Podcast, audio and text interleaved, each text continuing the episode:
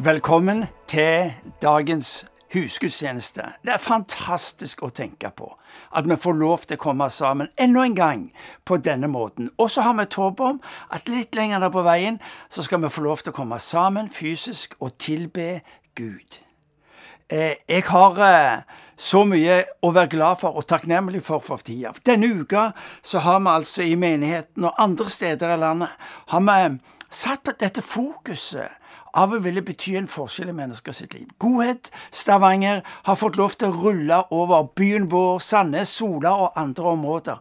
Hus har blitt malt, hager har blitt rydda, og en hel masse andre forskjellige eh, tiltak vi har gjort. Men det viktigste med det, det er at det skaper en opplevelse av å bli sett. Det var som en sa, det å bli sett, det er så viktig, og det er så verdifullt. Så denne uka har i så måte vært ei festuke. Se for deg flere hundre mennesker i byen og området opptatt med å bety denne forskjellen i mennesker sitt liv.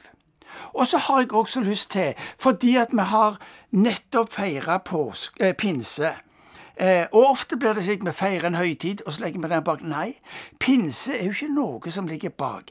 Pinse er noe du lever i i dag, og som du skal få lov til å leve i i hver dag som kommer fikk en historie her i går som gjorde et dypt inntrykk på meg, hvor en fortalte at eh, han opplevde at Gud kalte han til å være mer stille med han, slik at Gud kunne få dele med han det han hadde for andre mennesker. Så han gjorde det. Satte av tid og sa Gud, jeg lover at det du minner meg om å gi til andre mennesker, det vil jeg gi. Og så fikk han ord, og så begynte han å gi disse ordene ut til mennesker. Mennesker som han ikke kjente, mennesker som han visste litt om. Og så skjer det en bevegelse av at mennesker erfarer at Gud ser dem. Helt fantastisk. Så velkommen er du til å høre eh, dagens eh, undervisning ved pastor eh, Elling, Ellingsen. Eh, kom Helligånd er temaet. Kom, Helligånd. Vet du hva det betyr? Det betyr la Gud få lov til å være Gud i livet ditt. Så velkommen er du til en fantastisk husgudstjeneste. Men før vi går videre, la oss be sammen. Herre Jesus Kristus, takk fordi at du ikke er primært en historisk person som forsvant ut av vår historie, men du er en Gud som er den samme i går og i dag, ja, til evig tid. Takk fordi du er mellom oss, der vi er nå i huskirka, der eh, jeg er som enkeltmenneske. Du er der for å fullføre Gud det som ligger på ditt hjerte. Herre, vi tilber deg og opphøyer ditt navn. Amen. I dag skal du få lov til å være med å gi takkegaven til et fantastisk prosjekt. Eh, vi spurte oss sjøl eh, på hvilken måte kan vi sjokkere byen og landet og omgivelsene? Og så gir Gud oss denne her opplevelsen av at dere skal sjokkere dem med godhet. Og det interessante er at de siste 15 årene har vi altså fått lov til å gi ut av godhet i byen vår, i området vårt i Stavanger. Men det spennende er jo at dette nå har spredt seg til andre steder. 50 steder i bare Norge driver de nå på med godhet. Dette å se eh, godhet gjort tilgjengelig. Vi tror at små ting gjort i kjærlighet, de forandrer denne verden. Og så skal vi med dagens takkegave få lov til å gi inn, eh, hjelpe oss til å spre denne bevegelsen videre, slik at andre mennesker eh, både kan våge å komme i gang og gjøre det, men også at andre mennesker kan velsignes. Ja, ikke bare i Norge. Vi ser dette spres til ulike land, hvor de opplever at dette er jo nettopp for mange det som setter mennesker i bevegelse av at det er en Gud som er god fordi han må jo være god når han ser at hans etterfølgere gir ut gratis det som eh, Gud har velsigna dem med. Så er det slik at godheten, det vi får lov til å gi ut, det gir vi gratis. For at mennesker skal få lov til å erfare, akkurat som nåde, at det de mottar, hefter det ingenting med, men det skal være en oppmuntring til liv, en oppmuntring til vandring. Så takk skal du ha, fordi du er med på og gir oss muligheten til å se denne godhetsbevegelsen fortsette å bre seg utover. Så takk skal du ha. Gud velsigne deg fordi du vil bety en forskjell i mennesker sitt liv. Og Vipps-konto du gir til, det er 11 835. Altså, du vippser denne bevegelsen videre, bokstavelig talt, på Vips 11 835. Kom Hellig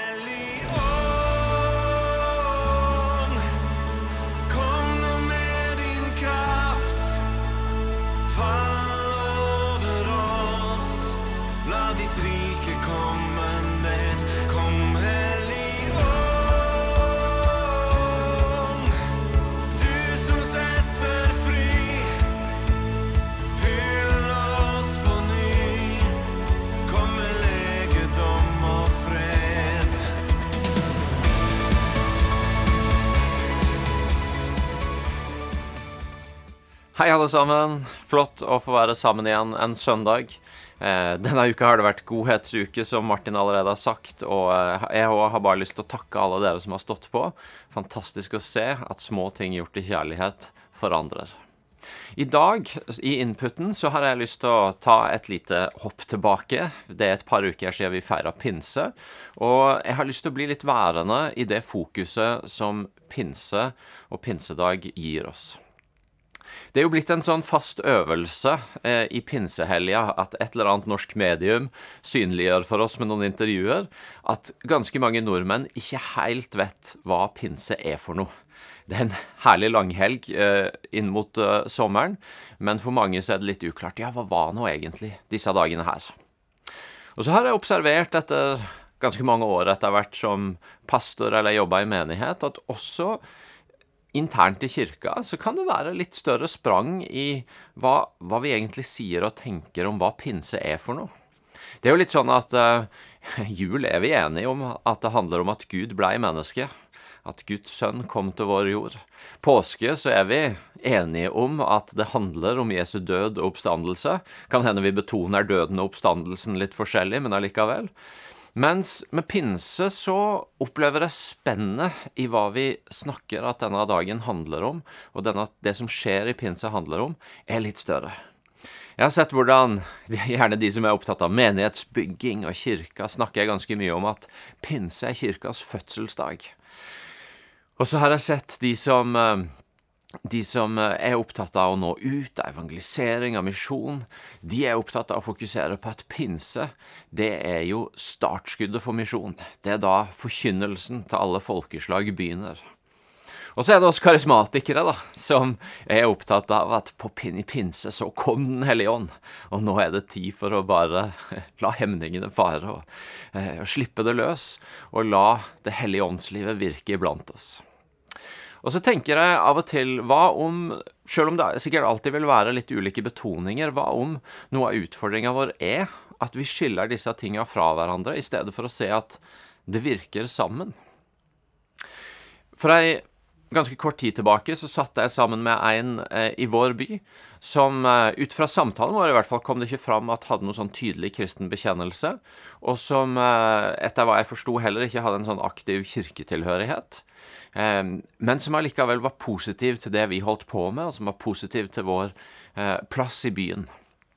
Og så sier han dette er jo deres tid. Nå, idet vi kommer ut av koronahulene våre, så er det jo deres tid. Nå er folk på jakt etter mening. Nå må dere gripe sjansen deres. Og det syns jeg var en spennende tilbakemelding å få fra en flink og ansett fyr, som ikke uten videre allikevel eh, brenner for det kirka holder på med. Dette er deres, nå er deres tid. Dere må gripe sjansen.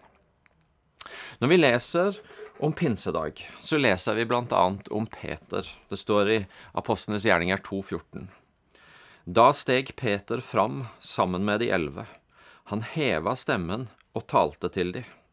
Jødiske menn, alle dere som bor i Jerusalem, merk dere hva jeg sier, lytt nøye til mine ord. Jeg syns det er fascinerende å høre at Peter, når Den hellige ånd har kommet, så, så står det at han heva stemmen. Han trår fram, han hever stemmen, og han sier til og med til dem Nå må dere høre godt etter på meg. Og i den talen som følger, så kombinerer Peter et personlig vitnesbyrd om hva han har fått være med å se og høre, med det Skriftene sier om hvem Jesus var.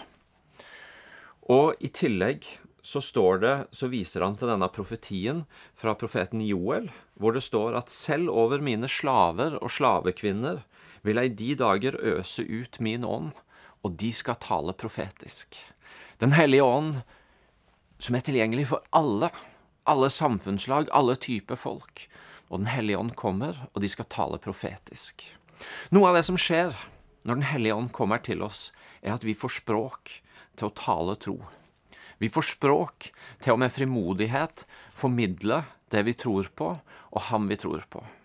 Det vi ser, ser skje i denne teksten, det er for det første at Peter får frimodighet til å tre fram og tale og si 'dette må dere høre på'.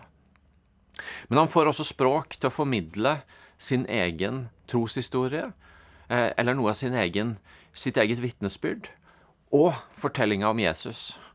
Og så, er det dette perspektivet at Den hellige ånd kommer og lar oss tale profetisk.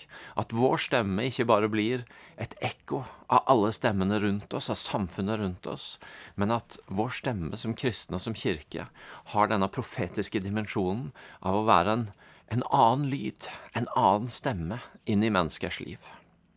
Og jeg tenker at hvis min venn som jeg satt og snakka med, har rett, at dette er vår tid til å fortelle og peke på noe som gir mening, så trenger vi å be Kom, Hellige Ånd, og gi oss språk. Et, en, en frimodighet på å tale ut. Eh, en tydelighet på å formidle vårt vitnesbyrd og fortellinga om Jesus. Men også en profetisk dimensjon av å få velge de orda som berører hjertene, som er annerledes enn alle de andre stemmene. Kom, Hellige Ånd, og gi oss språk til å tale tro i denne tida. For ei ikke så mye lengre sida så satt jeg også sammen med to andre mennesker i vår by, som er en del av kulturlivet i regionen her, og som begge hver på sin måte, uavhengig av hverandre, sa noe i retningen av at jo da, jeg er, jeg er åndelig, jeg er spirituell, men kristen tro ser jeg på som en begrensning for min åndelighet. Jeg ser det mer som en begrensende ramme som, eh, som som eh, gjør min åndelighet trangere. Og Så kan en mene forskjellige ting om et sånt utsagn. En kan komme med bibelvers som, som sier at 'æ, men det stemmer jo ikke. Men det er jo en interessant tilbakemelding da, å få allikevel fra mennesker som ser oss utafra. At, at det er noen som sier det ser litt trangt ut. Det ser ut som jeg er åndelig, men jeg vet ikke om min åndelighet møtes i de rammene dere har. Som mennesker så kan vi i oss sjøl skape mye ut fra de verdiene og det trosgrunnlaget vi har i kristen tro. Men det livet som finnes i den kristne troa, er det bare Gud som kan skape. Og pinsedag gjør det veldig tydelig. Vi leser ifra pinsedag eh, helt i starten, når Den hellige ånd kommer, at plutselig lød det fra himmelen som når en kraftig vind blåser, og lyden fylte hele huset hvor de satt. Tunger som av ild viste seg for de, delte seg og satte seg på hver enkelt av de. Og da ble de alle fylt av Den hellige ånd. Det er ikke mye begrensende, det er ikke mye trangt, egentlig, men når Den hellige ånd kommer på pinsedag. Det er, ganske, det er egentlig ganske grensesprengende. Det er lyden av storm, det er ildtunger, og det er etter hvert språk som sprenger språklige barrierer. Og det er interessant at noen av de bildene Bibelen bruker på Den hellige ånd, er bilder som, som vind, eller som vann. Elementer som vi mennesker ikke bare kan ta i hendene våre og holde fast i, kontrollere, forme som vi sjøl vil. Vinden blåser dit den vil, sier Jesus i Johannes 3, og vannet, det vet vi at hvis det møter på et stengsel, så finner det ofte andre veier rundt. Den hellige ånd, illustrert ved elementer som, som vi mennesker ikke kan kontrollere. Den hellige ånd, som et sted omtales som livgiveren. Noe av det Den hellige ånd gjør når den kommer på pinsedag, ved siden av å gi språk, er at Den hellige ånd kommer med liv.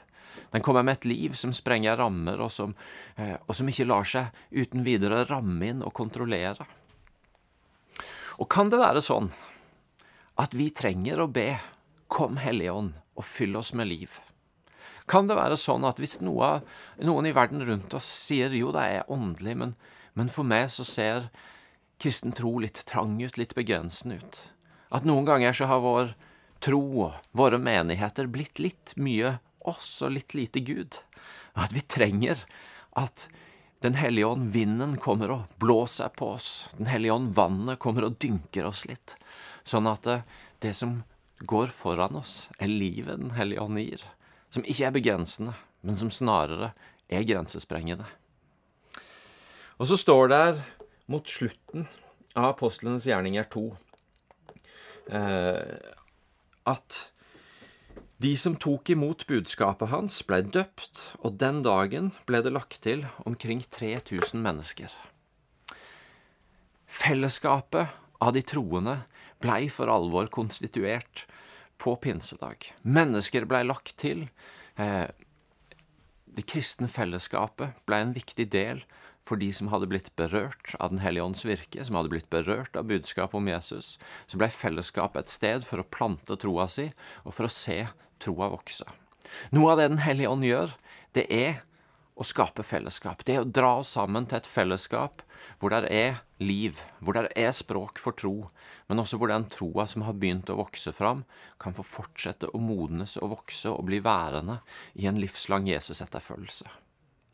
Og Kanskje er det også sånn at etter ei tid med mye isolasjon, med mye, eh, med mye ja, avstand fra hverandre, mange begrensninger, at vi også trenger å be Kom, Hellige Ånd, og, og fyll fellesskapet vårt. Kom, Hellige Ånd, og, og skap liv i fellesskapet vårt. Kom, Hellige Ånd, og dra oss mot hverandre, og skap en varme i fellesskapet som gjør at vi trekkes mot hverandre, at vår tro får vokse, men også at andre trekkes inn og kjenner at oi, her er et sted å plante livet mitt. Her er et godt sted å være. Så i dag hadde jeg lyst til å si til oss som enkeltmennesker, men også med menighet, la oss i denne tida be Kom, Hellige Ånd. Kom, Hellige Ånd, og gi oss språk. Kom, Hellige Ånd, og gi oss liv. Kom, Hellige Ånd, og dra oss mot fellesskapet i ei tid som denne. Og mot avslutning så har jeg med det sagt også lyst til å bare gi deg en litt ekstra utfordring når vi neste søndag igjen samles og har fire gudstjenester på IMI. Ta valg som gjør at du kobler deg på gudstjenestelivet igjen. Både nå på søndag og gjennom sommeren hvor vi vil kjøre en kveldsgudstjeneste, og når vi starter opp igjen til høsten. Dette er ei tid for å koble seg på det store fellesskapet igjen også, og for å ta gode valg, for å komme til en plass hvor vi sammen kan si Kom, Hellige Ånd, og gi oss språk, gi oss liv, og gi oss et fellesskap som nærer troa vår. Må Gud velsigne deg, og, ha, ønsker deg god uke. Elling, takk skal du ha for en praktfull undervisning. Nydelig å høre. Og så har du nå, du som lytter og ser, du skal få med deg tre spørsmål som hjelper deg til å omfavne det som du nå har hørt. Spørsmål én er har du relasjoner du vil be Den hellige ånd gi deg frimodighet og språk til å snakke om tro. Spørsmål to er hvordan vil du gi rom for at Den hellige ånd kan fylle deg med liv? Og det tredje spørsmålet er hvilke valg vil du gjøre for å koble på storfellesskapet når vi nå åpner opp igjen? Ta med deg spørsmålene, og la dem bli en mulighet til å lære mer av det du nå har hørt. Til slutt, ta imot Herrens velsignelse. Herren velsigne deg og bevare deg. Herren lar sitt ansikt lyse over deg og være deg nådig. Herren løfter sitt ansikt på deg og gir deg sin fred. Amen.